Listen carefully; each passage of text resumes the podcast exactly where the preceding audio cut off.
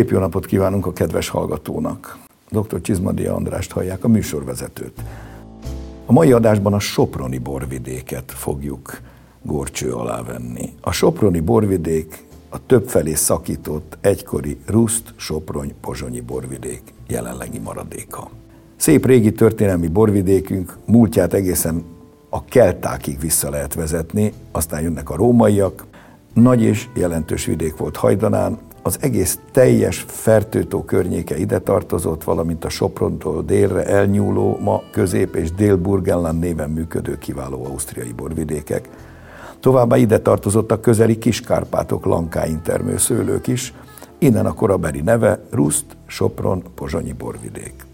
1910-ben még 33 ezer katasztrális hold, ami átszámítva körülbelül 19 ezer hektárnak felel meg, ennek Trianon után megmaradt körülbelül az egyötöde, ebből is csak alig 2000 hektár van művelés alatt. Tartsanak velem, szabadítsuk ki a szellemet a Soproni palackból.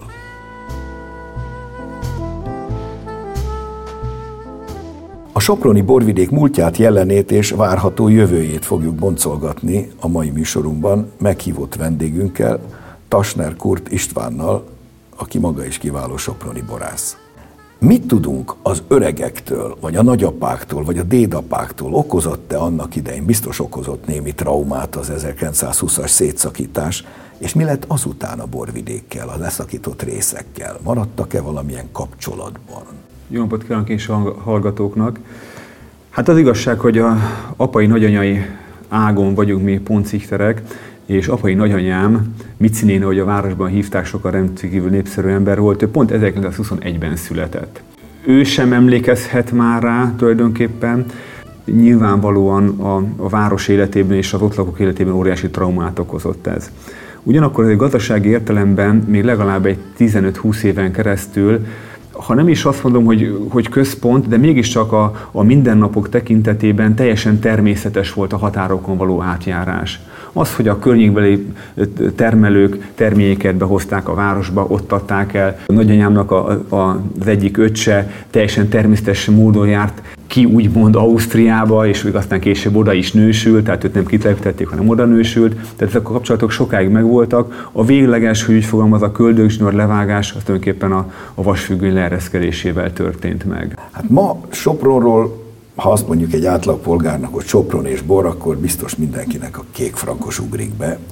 De tudható, hogy a borvidék nagyon sokáig inkább fehérboros volt. Ez valójában észszerű is, hiszen eleve egy hűvöses északi klímájú, ami inkább kedvez a fehér szőlőnek. Volt itt valamikor furmint, ugye, meg zöldveltelini és még egyebek. Rengeteg fajta volt, ami már nincsen művelésben, én hármat szoktam kiemelni, az említett furmintot, de éppen ide tartozik a sárga mustkatávy, éppen a háslevelű is.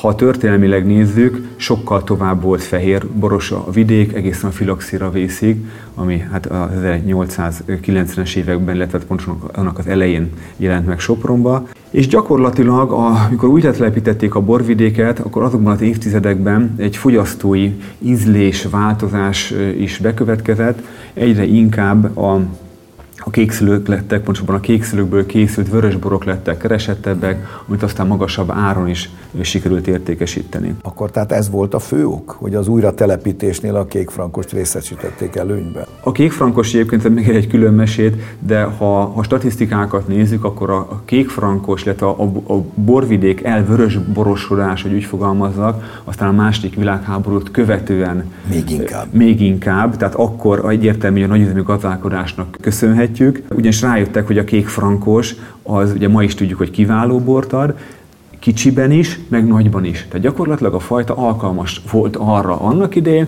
hogy bizony nagyon-nagyon sok szőlőt termeljenek. És jól hát, megrakták. És jól 200, megrakták, hogy, hogy sokat termeljen, hektár. így van, így van, sok bor legyen, mert nyilvánvalóan mind a, az akkori, mostani fogalmainkkal legalábbis élve kevésbé igényes belés hát KGST piacokra az kiváló volt. Tegyük hozzá, hogy ezzel le is járatta magát azért eléggé ez a fajta. Sokan ma is még azt hiszik, és egy kicsit óckodnak a kékfrankostól, mert nem akarják elhinni, hogy már pedig a kékfrankosból is valóban lehet csúcsborokat készíteni. Mert hogy lehet. Teljes mértékben így van. Hozzá kell tennem, ez a hűvös klíma, majd lehet, hogy még később beszélünk róla, de azért már nem teljesen van így, és valóban a klíma és a talaj miatt voltak azok a borok olyanok is, amilyenek. A mai eszünkkel, vagy fogalmaink szerinti borászati technológia is hiányzott hozzá. Éppen a klímára akartam rákérdezni. Itt vagyunk végül is az Alpok lábánál, szinte az Alpok alján, de itt van a Fertőtó, ami egy óriási jelentőséget adhat, a, gondolom, a terület klímájának.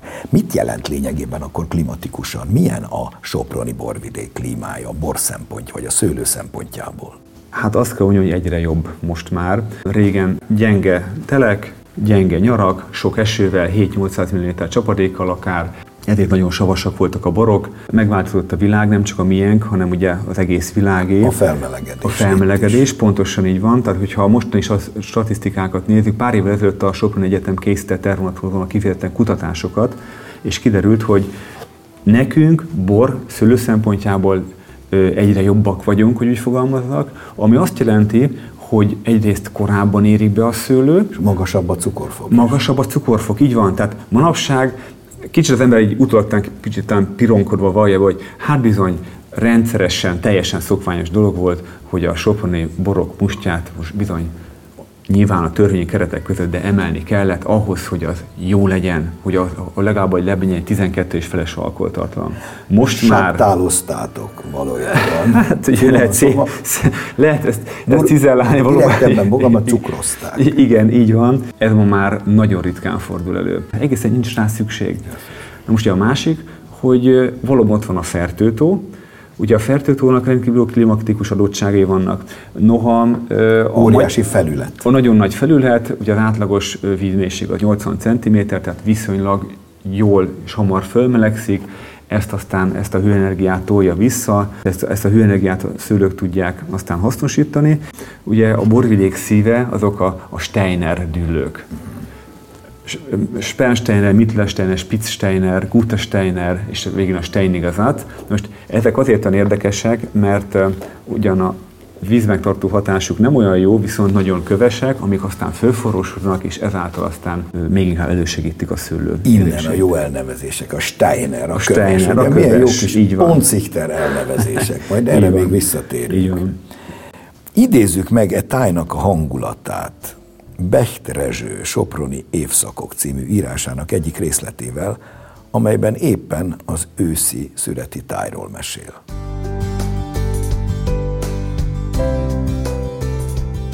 Becht Rezső Soproni évszakok. Ősz. Részlet. A föld, mielőtt kihűlne, még hátrahagy az embernek valamit, amiben a nyár melege, a napsugár illata és a kék ég optimizmusa keveredik, ami emlékeztetés felettet, gyújt és olt, ami hordókba zárt napfény, palackokba fejtett tűz, pohárba töltött nyár, bor. Őszi hajnalokon, amikor Sopron tornyai és házai még ködvattába rakva várják, hogy a nap leolvassza róluk a ködöt, egymás után fordulnak ki a Ponkichter utcák kapuin szekerek. Hordók, kádak, puttonyok és vödrök közt ott kuporog az egész háznép nagyanyástól, unokástól, az ülődeszkákon és a szekér oldalon, s indul kifelé az északi határba, a soprani gazda polgár élet legszebb ünnepére, a szüretre. Csöngetnek a ködben a szüreti csöngők, visítanak a gyerekek, a gazda pedig a boldogságtól reket hangon bíztatja az ökröket, hogy hely, szumma! Amikor felérnek a Szent Mihály templomnál a dombtetőre, és megkezdődik a fehér köd alatt a szőlőlevelek vérvörös tengere. Ezért a napért robotol egész éven át a gazdapolgár. Mert szép a búza, szép a krumpli, a káposzta meg az árpa is szép, még szebb a bab, de legszebb mégiscsak a szőlő. Ezért a kényes növényért álmatlan annyi éjszakája, ezért szegi meg a vasárnapi munkatilalmat, ezért veri magát adósságba, Ez valamiképpen becsületének egy fontos része, és verejtékes életének poézise.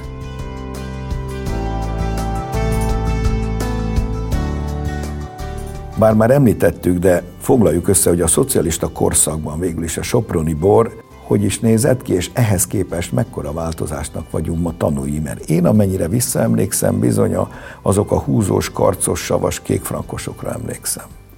Így van, hát akkor a, a kornak megfelelően gyakorlatilag elkészítették a bort, nyilván inkább a mennyiség volt fontos, hogy minél több készüljön belőle. Változott a világ, Sopronban is. Nagyon egyszerű, csak egy, egy gondolatra hat ki az almasavnak a meglétére. A hallgatók talán nyilván kevésbé tudják, de hogyha egy bort megkóstolnak, és olyan nagyon úgy hirtelen úgy, úgy elkezd olyan, olyan, olyan kellemetlen savas értés a szájba, az többek, többek között az almasavnak köszönhető. Na most ez egy melegebb borvidéken már szinte a tőkén lebomlik, hogy úgy fogalmazzak. De ha nem, akkor is erjedés közben. A, erjedés közben, és el, teljesen, nem is a gazdának nem is kell vele foglalkozni. Nálunk kell vele, semmi gond nincsen ezzel, megvannak a biológiai módszerek, és gyakorlatilag mi is ezeket a savakat elbontjuk. De és a szocialista korszakban nem ott, ne, ott nem tették Na, meg, pontosan erről van szó, és ez, ez az óriási különbség, hogy most már alapból egy soproni kékfrankos, azt kell, hogy mondjam, hogy kellemes, jóitatú bársonyos bor. Bezeg a sógorok, sokat mondtuk ezt annak idején, ugye a határon túliakról. Mindig hasonlítgattuk, meg hasonlítgatták is, hogy ott miért jobb, valamiért jobb volt a kékfrankos akkoriban már.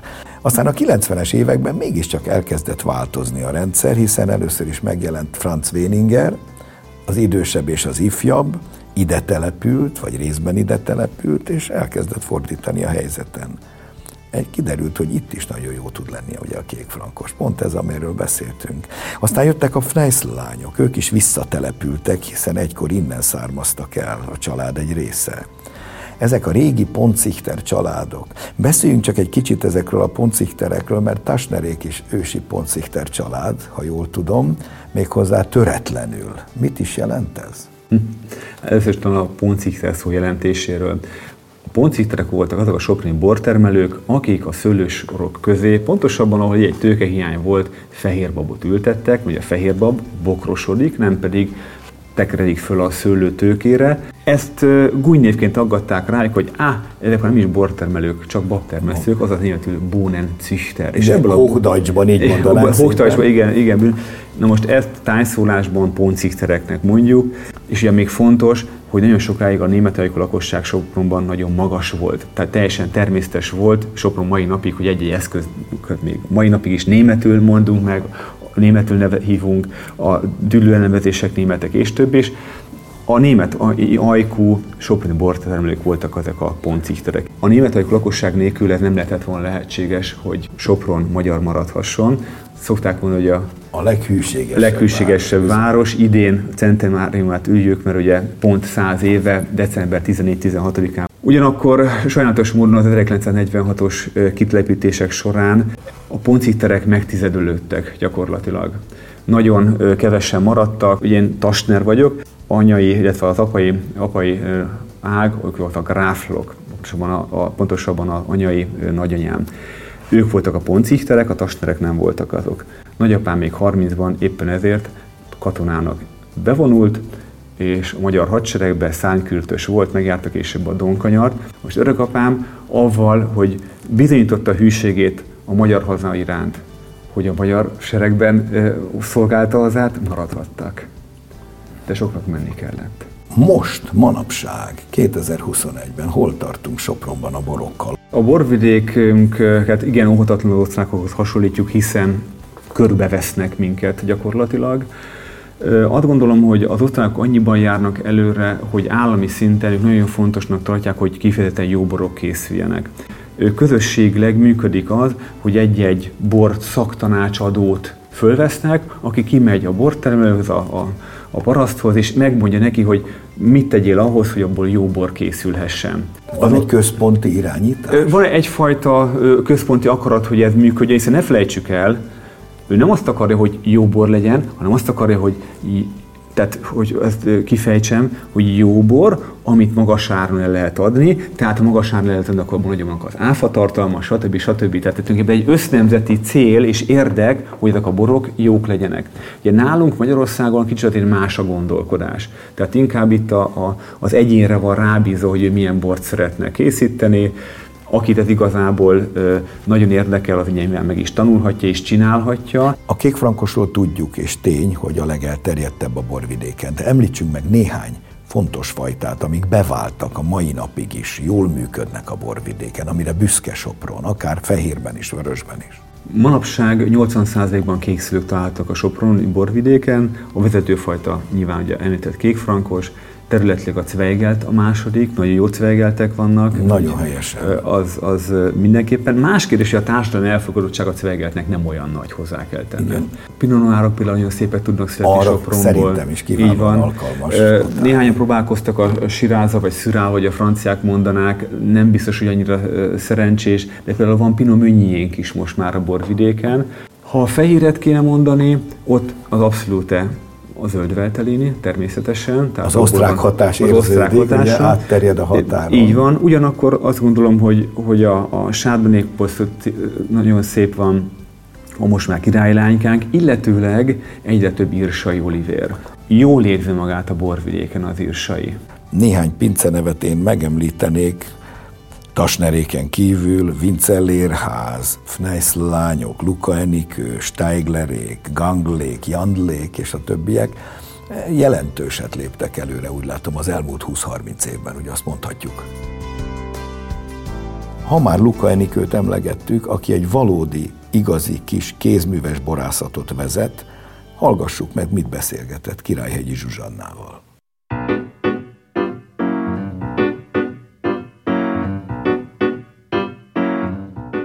Ön szerint mi a titka az igazi kékfrankosnak? Csak a saját kis pincészetemre lebontva tudom ezt a kérdést igazából megválaszolni, ami miatt mi is rácsodálkozunk, hogy ez a fajta mennyi szépséget rejt magában, az elsősorban a jó talaj és a jó mikroklíma miatt van. Ahonnan mi a kékfrankos szőlőnket szüreteljük, az a Steiner dűlő. Ez egy egészen egyedülálló dűlője az egész borvidéknek, nagyon nagy a borvidékünk, de azon belül is ez a terület, ami tiszta csillámpala, ez egy kiemelkedő területnek számít.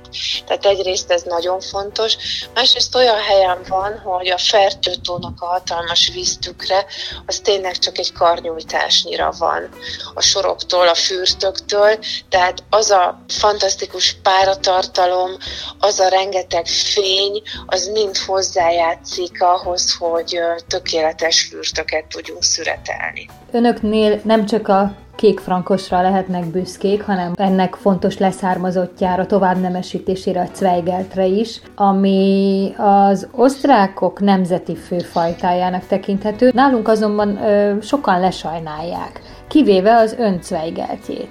Hogy is van ez?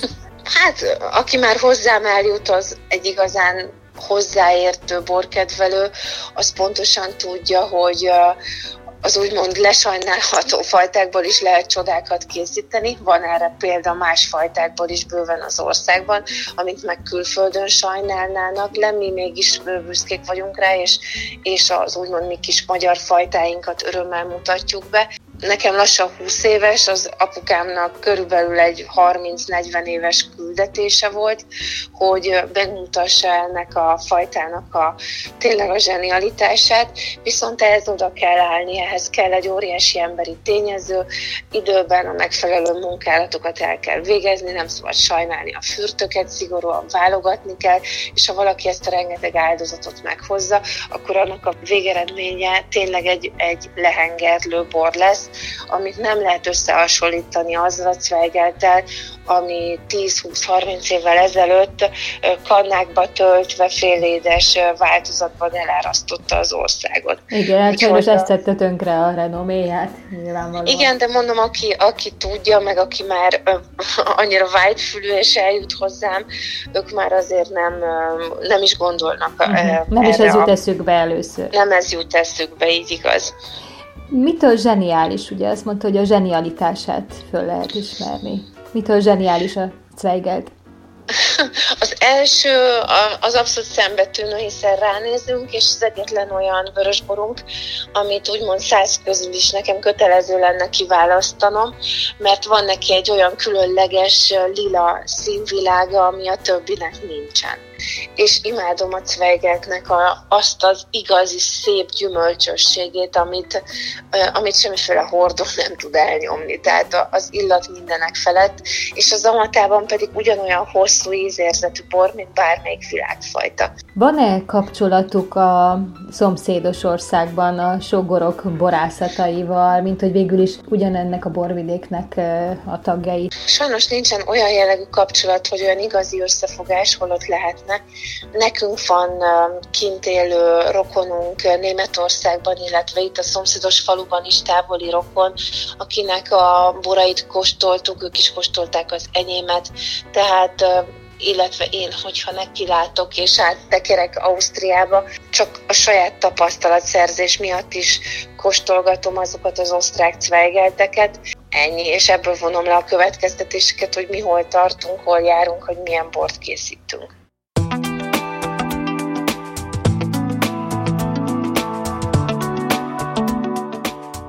Ha már a Soproni borvidékről beszélünk, ne felejtkezzünk el, hogy van két kis része, ami ha nem is szorosan Sopronhoz kapcsolódik, de borvidékileg ide tartozik, ez kőszegi környéki szőlők és vaskeresztes. Ugye önállóan nem alakíthattak borvidéket, így hát kénytelenek voltak annak idején Sopronhoz csatlakozni, hiszen 300 hektáros az a minimum méretarány, amikor valaki önállóan mondjuk egy hegyközséget is alapíthat. Úgyhogy hozzánk csatlakoztak, mindig is volt kőszegen bor, vaskeresztesen is, ugye annak a túlsó oldala ugyanott fizikailag, ugye Eisenberg, ahogy az osztrákok mondanák. Szó szerint ugyanaz. Szó, szó, szó szerint. Jó, hát a, a, igen, Vashegy pontosan így van. A kőszegiek nagyon tartják a kőszegiségüket, tehát ők Sopronhoz különösebben nem akarnak semmilyen módon ö, csatlakozni, a, a, a kötelező körökön kívül, hogy úgy fogalmazzak. Ugyanakkor vaskeresztesen azért egy-egy termelő előfordul, akik, ha hívjuk, eljön, és Garganiniről van szó tulajdonképpen, aki nagyon jó borokat készít, kis termelő hozzá kell tennem, de olyan borokat, ami, ami nemzetközileg is megállja a helyét. Tehát az is megterem. Még egy fontos témáról szeretnék beszélni, már csak azért is, mert Tasner Kurt ebben a témában különösen illetékes, ez pedig a pesgőkészítés. Alkalmas a vidék végül is, említettük, hogy szép savak vannak, pontosan hűvöses klíma. Milyenek a Tasner pesgők, és vannak-e követők, más kollégák, akik hasonló cipőben járnak, és szintén készítenek pesgőt a borvidéken? Hát igazából úgy tudom, hogy van egy termelő, aki Fertőszent Miklóson készít valamennyi pesgőt, de valójában nem robbant be ez a dolog. Én magam ugye 2004 óta foglalkozok vele, ami mindig megvolt, az a sárdoné pesgő, az töretlen. Aztán néha voltak ilyen kalandozások, hogy Irsai Olivér volt például a pesgőt készíteni. Hát miért is ne, mire próbáljuk ki? Miért? Hát ugye, És népszerű lett? Teljes mértékben, így van. A másik ugye tíz évvel ezelőtt elültetett Molnár szőlő, ugye a franciák a Pinot nevezik, abból is készül pesgő. Ez azért érdekes, mert a, hogy közbeszúrjam, mert az a Pinot Meunier vagy Molnár szőlő, ez champagne harmadik fajtája, Bizony. és ez az, amit Magyarországon ezek szerint csak itt jelenik meg, mert nem nagyon láttam. Illatban dönti magából az illatot, már-már szinte furcsán hat egy vörös borban, ezért is aztán egyébként nagyon megosztó. Tehát ha, amikor én kóstoltatom, akkor, akkor, akkor valaki azonnal beleszerelmesedik, valaki meg, hogy hát mi, hát mi ez. Úgy hallottam, hogy mostanában van valamilyen közös megjelenési lehetőség a soproni borászatoknál, Sopron városában. Mit lehet erről tudni? Ez a közösségi tér a következő egy-két évben fog létrejönni, hiszen ezt a teret, ezt per pillanat, tehát ezt föl kell újítani, rendbe kell hozni, és gyakorlatilag itt lesz ez a vinotéka, előadóterem, bemutatóterem. Mm, kaptunk egy csőszházat. Kinna szőlő a fertőre néző dűlők egyikében, egy kis romos csőszház, amit hát közösen fogunk felújítani, ez egyfajta kulcsos házként fog működni, és egyre többen két például dűlőtúrákat vezetnek a borvidéken. Valaki traktorral teszi, valaki terepjáróval. És ott meg lehet állni. És meg lehet állni, lehet, pontosan erről van szó, vagy éppen vendégeket lehet kivinni. Ezek mind Tehát ilyen. nem csőszködni fognak, hanem... Arra is szükség lenne, de, de, de ez inkább a vendéglátásról fog szólni, azt gondolom. Ha már a vendéglátást említettük, akkor most hallgassuk meg Királyhegyi Zsuzsanna Erhard Zsuzsával beszélget, aki az Erhard étterem társtulajdonosa, és kiváló pohárnak is egy szemében.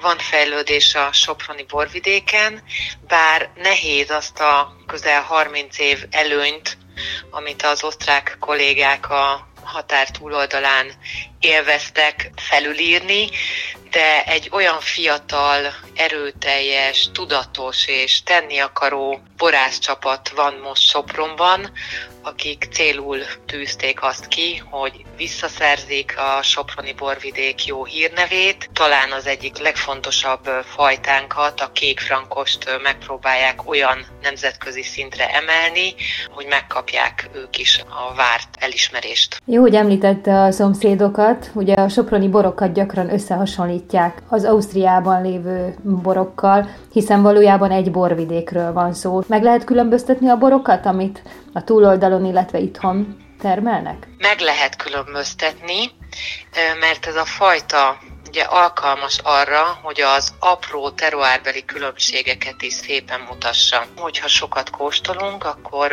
különbséget tudunk tenni, igen. Az osztrák oldal ugye úgymond már 2006-ban megkapta a klasszifikációját a kék frankosnak, tehát Mittelburgeland DAC néven, és ők két fajtát különböztetnek meg ezen belül a klasszikot, ami gyümölcsösebb, és nagy hordóban érlelik, illetve a reserve kategóriát, amihez inkább hordót használnak, és hosszabb az érlelési idő.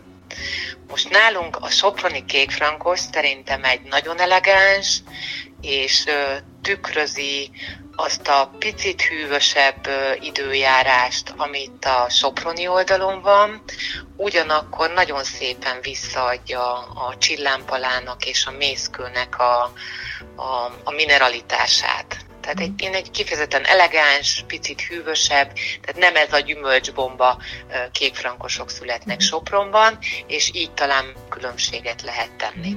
Beszéljünk egy kicsit a gasztronómiáról. Mihez ajánlja ön, mint szomeli és étterem tulajdonos a soproni borokat?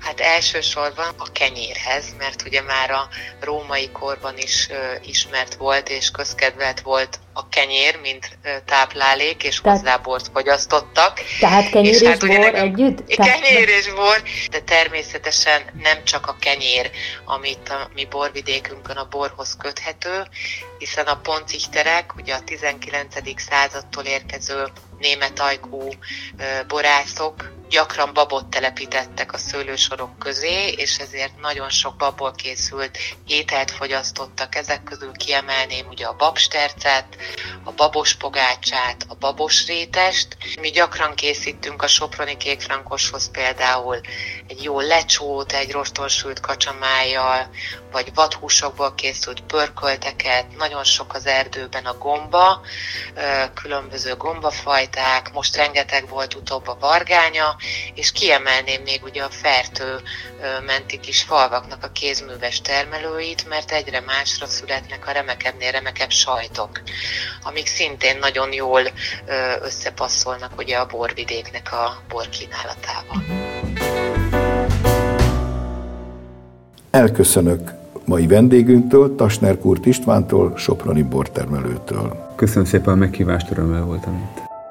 És most hallgassuk meg, mi újság a borok világában. A híreket Vajda Boglárka szemlézi.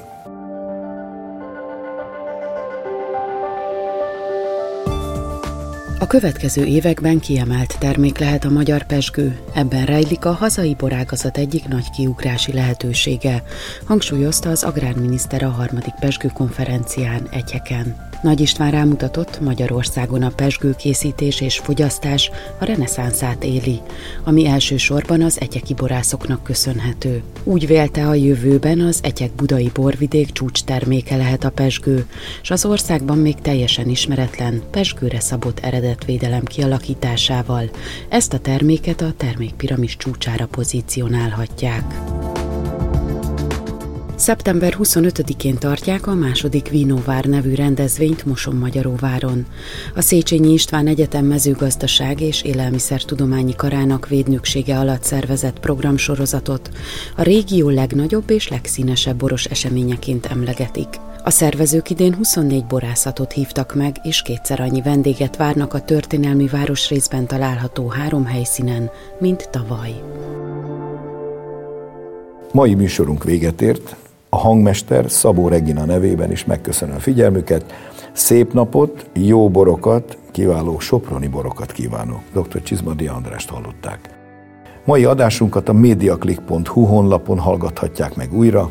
A műsort az MTVA készítette 2021-ben.